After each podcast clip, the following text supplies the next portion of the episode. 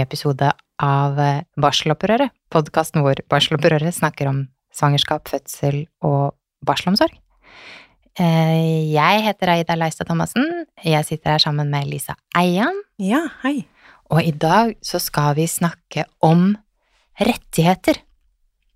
Og da er det jo eh, ypperlig at du, Lisa, er advokat. Ja, det hjelper jo det. Det hjelper. For hvis jeg kan bare starte med å si at helt sånn i starten av eh, barselopprøret, så satt vi der, og så tenkte vi bare sånn, hva i all verden? Eh, Hva er Har vi rett på hjemmebesøk? Er det en anbefaling? Altså, hva har vi egentlig rett på, og hva har vi ikke rett på? Dette var et stort eh, Det har vært vanskelig for oss, rett og slett, og da er vi så glad for at både du og Sofie, som sitter i styret vårt også, kan hjelpe oss med disse spørsmålene her. Ja, det er i hvert fall ehm, Det er i hvert fall noe som jeg ble veldig opptatt av selv etter jeg fikk barn. Og så fulgte jeg jo med på dere eh, i barselopprøret ehm, da jeg var ehm, eh, gravid etter jeg fikk barn, da. Og det var jo sånn egentlig jeg kom i kontakt med dere også. Eh, og vi hadde et møte, og hvor vi da Hvor dere tente veldig på min idé om at vi må ha en egen lov om svangerskaps-, fødsel- og barselomsorg. Fordi det er noe som jeg la merke til når jeg begynte å jobbe eh, sammen med dere, eh, og etter jeg fikk barn selv også, at eh, hvor er rettighetene våre? Vi har rettigheter, vi har kommet langt på mange områder som gjelder likestilling, i arbeidslivet, ytelser under fødselspermisjon, eh, diskrimineringslovverket, likestillingslovverket osv. Men det mangler rettigheter for eh, fødende. Det, eh, det la jeg merke til, og, og det har vi snakket mye om etterpå. Og det som skjedde etter det møtet vi hadde, var at jeg begynte å skrive, og skrev en artikkel om dette temaet i VG. Ja. Ja, Som kom på selveste kvinnedagen Ja. i fjor. det var jo litt stas. Ja, kjempe. Eh, Den heter 'Norge må bli et foregangsland for fødende', og dreier seg om at vi må Vi må få på plass rettigheter som er brukervennlige, oversiktlige, for fødende. Mm. Men har vi ikke noen rettigheter nå? Altså, vi er vel ikke rettighetsløse, eller er vi det? Nesten. Nei da, jeg skal ikke si det sånn, men eh, fordi vi har en eh, pasient- og brukerrettighetslov, eh, og der har vi mange rettigheter. Vi har jo eh, rett til å velge fødested, eh, i hvert fall som et utgangspunkt, med mindre det er fullt når vi skal inn.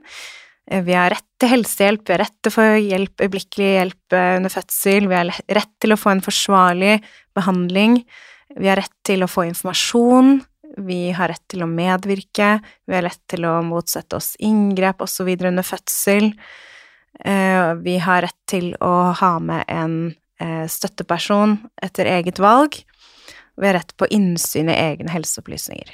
Så ja, vi har en del grunnleggende rettigheter, eh, men det er ikke rettigheter som er spesielle for fødende. Dette er noe som gjelder alle typer pasienter og brukere i helsevesenet, da. Og så har vi eh, nasjonal faglige retningslinjer. Og det er vel de dere begynte å se litt på i starten, Aida? Ja. Det er helt riktig, og der er det jo sånne skal-anbefalinger, eller kan, eller Ja. og, og det står jo der at, eh, at eh, Hva er det det står? Det står vel at det er ikke juridisk bindende, men faglig normerende. Ja, det, er, Altså, det høres litt rart ut kanskje, men sant, i dette med hva er forsvarlig helsehjelp, så utarbeides det nasjonalfaglige retningslinjer, da, som sier noe om hva er det som er faglig forsvarlig i denne situasjonen med Ja, og så dekker det, ikke sant, mange områder. Og det er som du sier, faglig normerende, og, og de er det, Et viktig poeng, da, er at disse retningslinjene, de er rettet mot helsepersonell. Dette er ikke et oppslagsverk hvor kvinner som er gravide eller skal føde, kan slå opp og se hm, er det jeg har krav på. Det er det ikke. Det det er skrevet til helsepersonell. Så de er ikke brukervennlige. Nei, det kan jeg skrive under på. Ja. Um, men, men, de er der, og de sier noe om uh, hva som er et faglig forsvarlig tilbud, da. Og på den måten så kan du kanskje, ikke sant, um, uh, finne eksempler på hva du burde hatt, eller hva du bør få av oppfølging når du er gravid, og når du um, føder, og i barseltiden, da. For vi har en retningslinje for hver, hver, av disse situasjonene. Og vi har også en retningslinje for hjemmefødsler. Det, det må jeg legge til. Men altså ikke noe som vi kan utlede direkte rettigheter av. Altså, jeg kan ikke eh, Eller det er veldig vanskelig, da. Du kan jo prøve, men, men, du kommer nok ikke så lang vei med det. At du sier på sykehuset at de har rett til å få ammeveiledning her, hvis ikke de har tid. Mm. Så får du jo ikke det likevel. Mm. Det får ikke noen konsekvenser, da, at disse rettighetene eh, brytes eller ikke overholdes. Det er et problem. Ja, ok. For i, i retningslinjen for barselomsorgen så, så, står det at man skal ha eh, kvalifisert ammeveiledning. Ja. Og nær sagt alle sykehus er jo også sertifiserte som såkalt eh, mor-barn-vennlige. Ja. Eh, og de har jo også sagt at da skal de kunne gi kvalifisert ammeveiledning. Mm. Men hvis jeg ikke har fått kvalifisert ammeveiledning, altså er det da det er jo et avvik fra retningslinjene, men det er veldig lite du får gjort med det hvis ikke det er tid. Mm. Dette, eh, her ser vi, at det er forskjell på papir og praksis. Mm. Da blir det mer en papirbestemmelse. Det står der, ja, og du skulle hatt det, men, men det er ikke tid, eller det er ikke mulighet til å gi deg det akkurat nå. Da, da får du ikke det. Og det, mm. du får ikke noen konsekvenser hvis det brytes på den måten der, da. For hvis eh ja. Jeg vil bare skyte inn at eh, vi mener jo hvis, hvis, du har opplevd å ikke få ammeveiledning, så oppfordrer vi deg til å klage, fordi ja. det skal du Du skal ha. Absolutt. Og der vil jeg bare si at det er også litt spesielt med denne brukergruppen. Altså da, da tenker jeg på um, fødende og de som nettopp har født, fordi man er i en spesiell situasjon um, som bruker, eller som um, hva skal man si, objekt, eh, subjekt for disse eh, retningslinjene, da. Det er vanskelig når du akkurat har født og er i en biologisk eh, prosess der hvor du er programmert til å ha fokus på det nyfødte barnet, og skulle si ifra. Det er veldig vanskelig. Du har veldig mye annet oppi hodet Eh, og det er vanskelig å, å si fra. Så har du også den der maktbalansen på fødeavdeling og på sykehuset.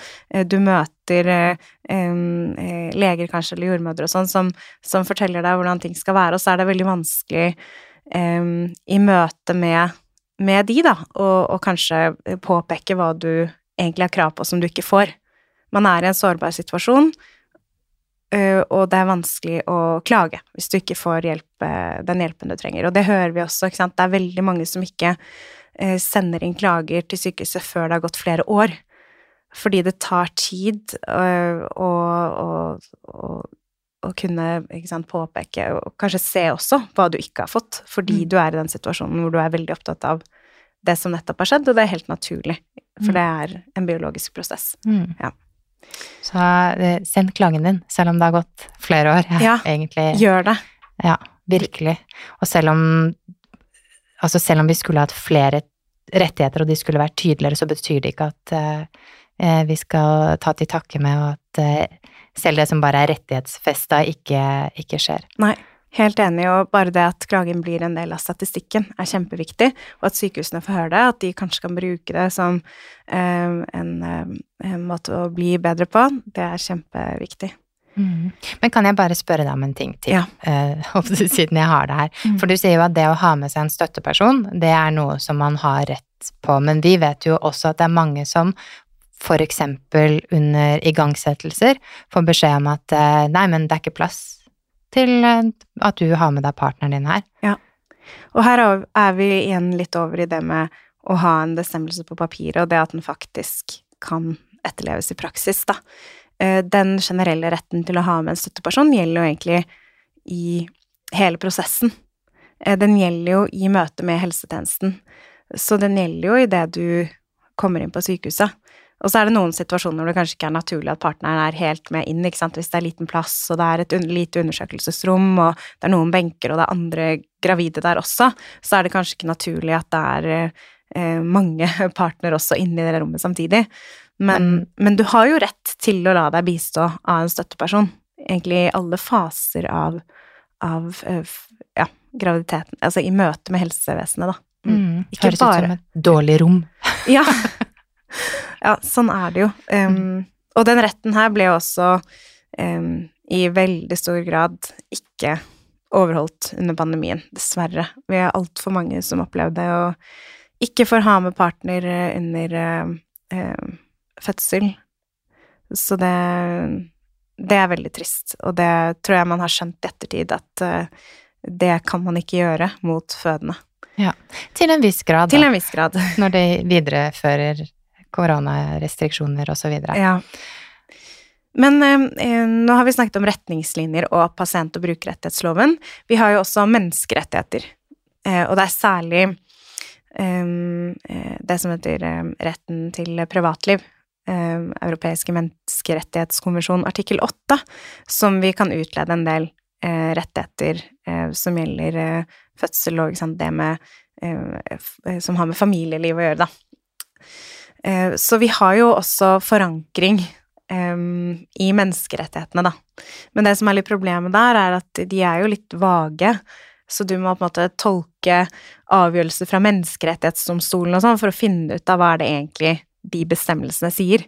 Og vi har ikke så mange av de avgjørelsene heller, og de er litt vage, og det er litt avhengig av Altså de er veldig konkrete også, da, fra sak til sak, så det er veldig vanskelig å, og sant, ta det eksempelet med ammeveiledningen, da. Si at det, men etter menneskerettighetene så har jeg rett til å få ammeveiledning. Um, det hjelper deg ikke så langt på vei, det heller, uh, hvis du sitter der og ikke får det. Så mm. ja. Det høres ut som uh, Altså, det høres ut som vi trenger en egen lov.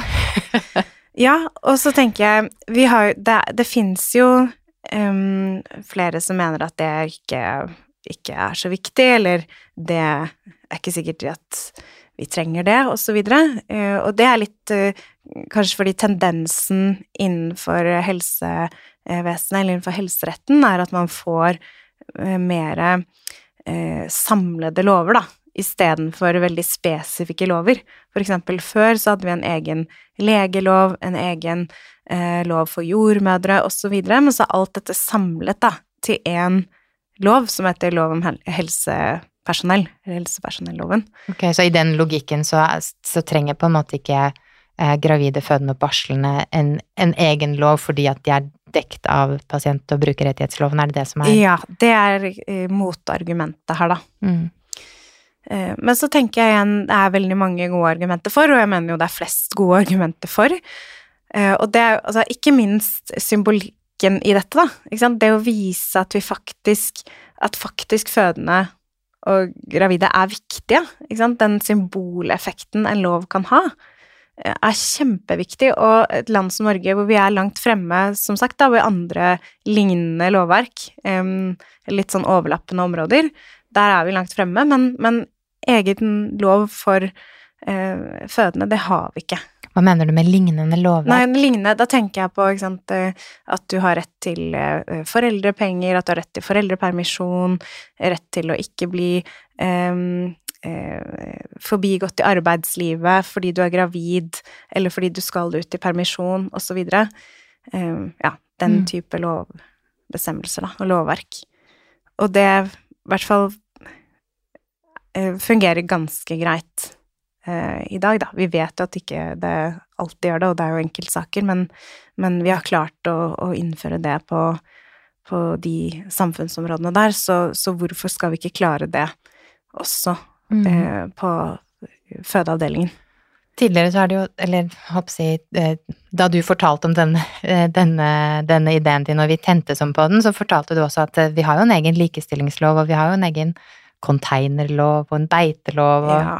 Vi har jo det, ikke sant. Vi har jo mange, mange lover.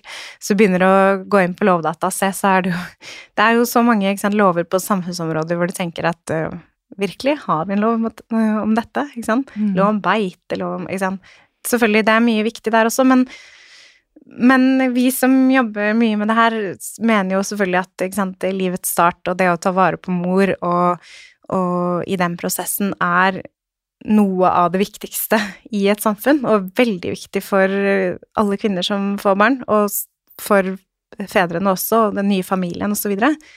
så Så det her Jeg skjønner ikke hvordan vi ikke kan prioritere det.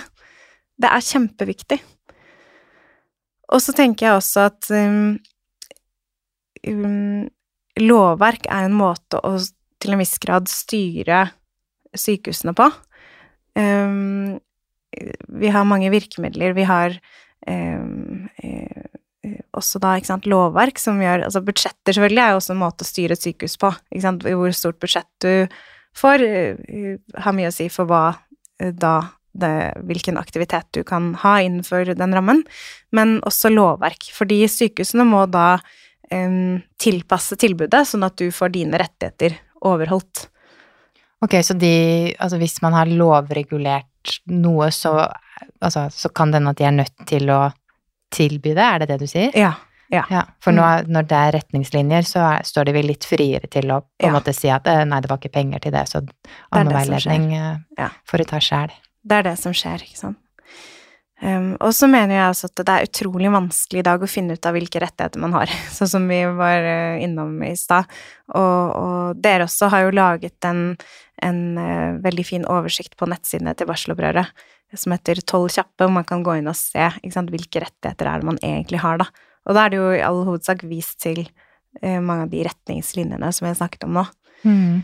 Men uh, utenom det så fins det nesten ikke noe samlet oversikt. Eh, den siste, det er ganske interessant, for den siste boka, eller nyeste boka vi har om fødselsrett, den er fra 1990. Ja, det, Det er- begynner å bli en stund siden. Det er lenge siden. Det er ingen som har skrevet om det siden 1990. Nei. Og, og det, det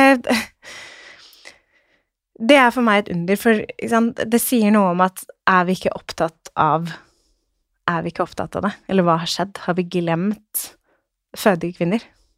Det er eh, Altså, når du sier det på den måten, så På en måte så blir jeg eh, kjempeoverraska, og så på en måte så blir jeg det heller ikke. Ja. Eh, nei.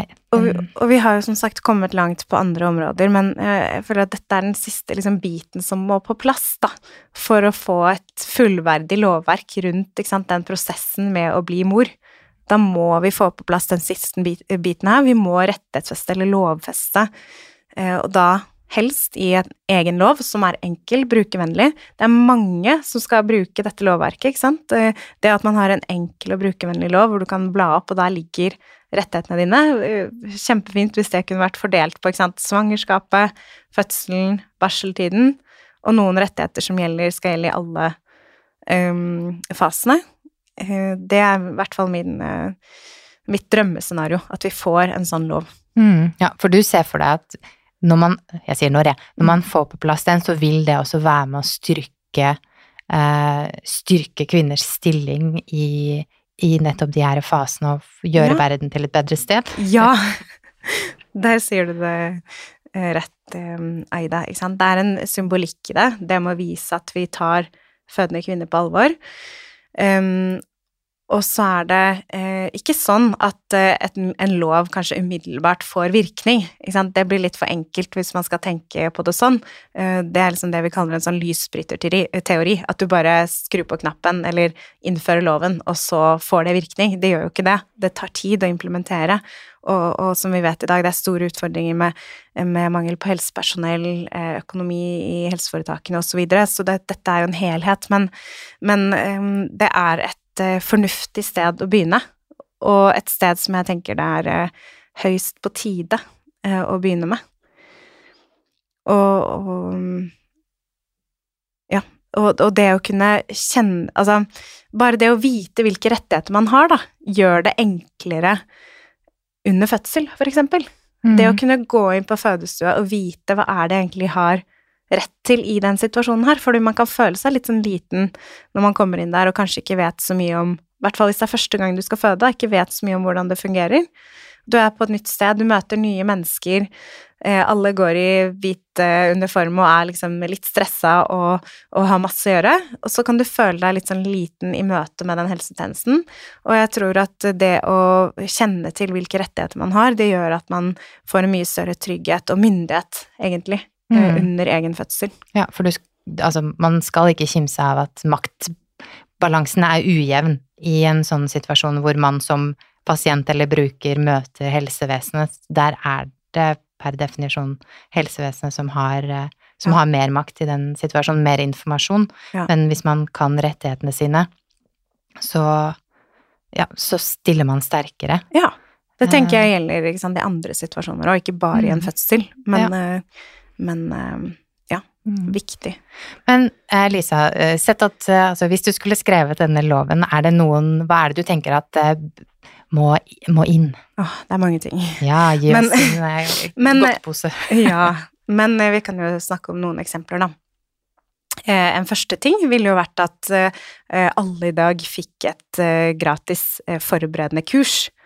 Fordi sånn er i dag, så må du betale for et fødselsforberedende kurs. Barselforberedende kurs også. Det er ikke noe gratis tilbud til alle, og det må også være til en partner, da, ikke sant, hvis du har en partner som du mm. også ønsker å ha med deg. Ja, ja, det er noen helsestasjoner som tilbyr, men, ja. Eh, men Litt eh, varierende praksis, ikke sant, ja. men hvis vi hadde hatt en egen lovbestemmelse som sa at det skulle alle få, så hadde vi fått en lik praksis over hele landet på det. Um, og så tenker jeg også at en annen viktig rettighet er jo retten til ammeveiledning.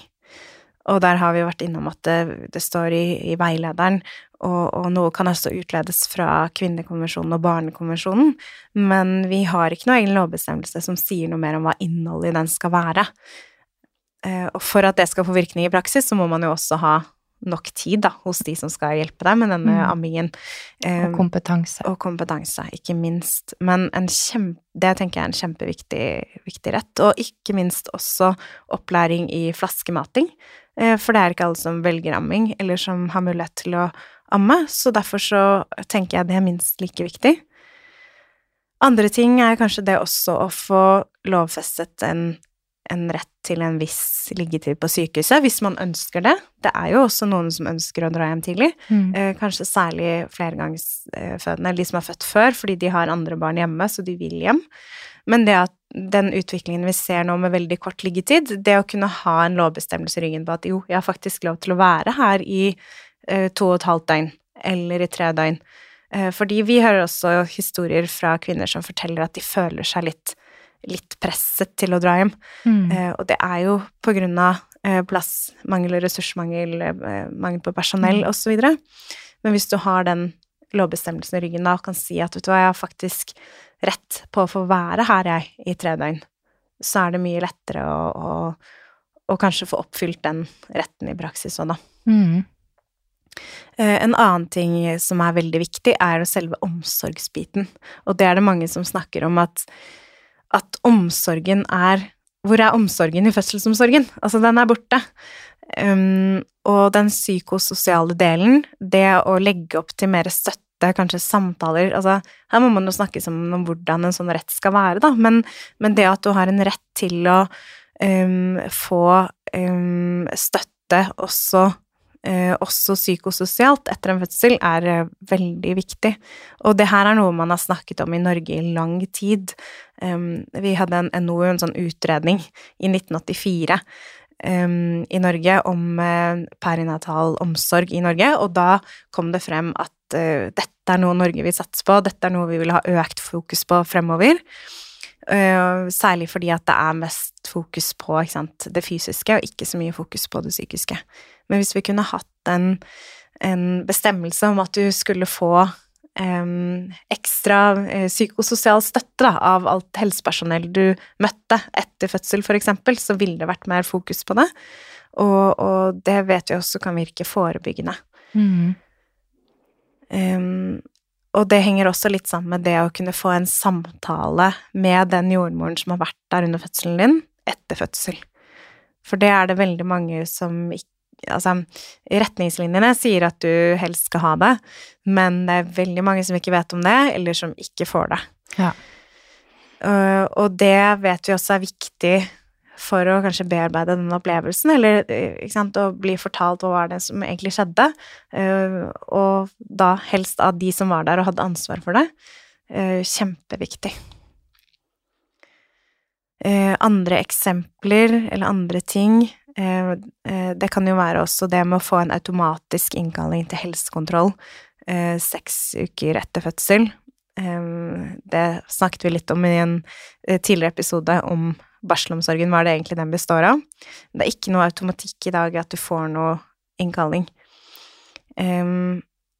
Andre ting, ikke sant, praktisk bistand etter keisersnitt, oppfølging etter abort, oppfølging etter, død fødsel, oppfølging av fysioterapeut, og ikke minst dette hjemmebesøket av jordmor, da, at vi også får det uh, lovfestet, da, for i dag så har vi eh, bare en rett etter en forskrift, og den sier at du har rett til å få eh, hjemmebesøk etter fødsel, men det står ikke at det skal være av jordmor nødvendigvis, og heller ikke mm. hvor raskt etter fødsel du skal få det, da.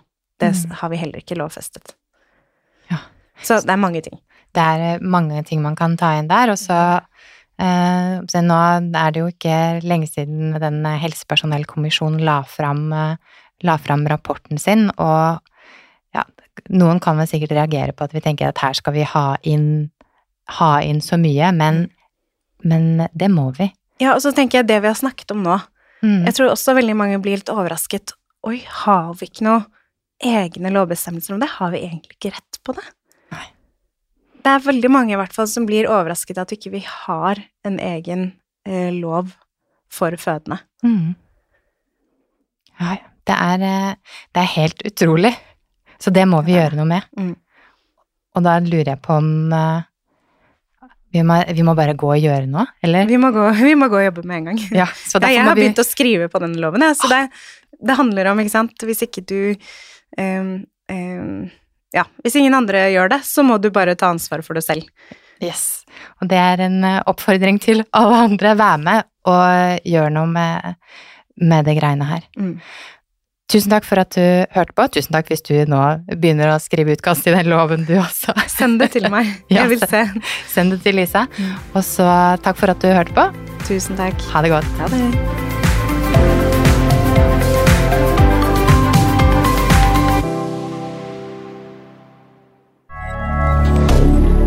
moderne media.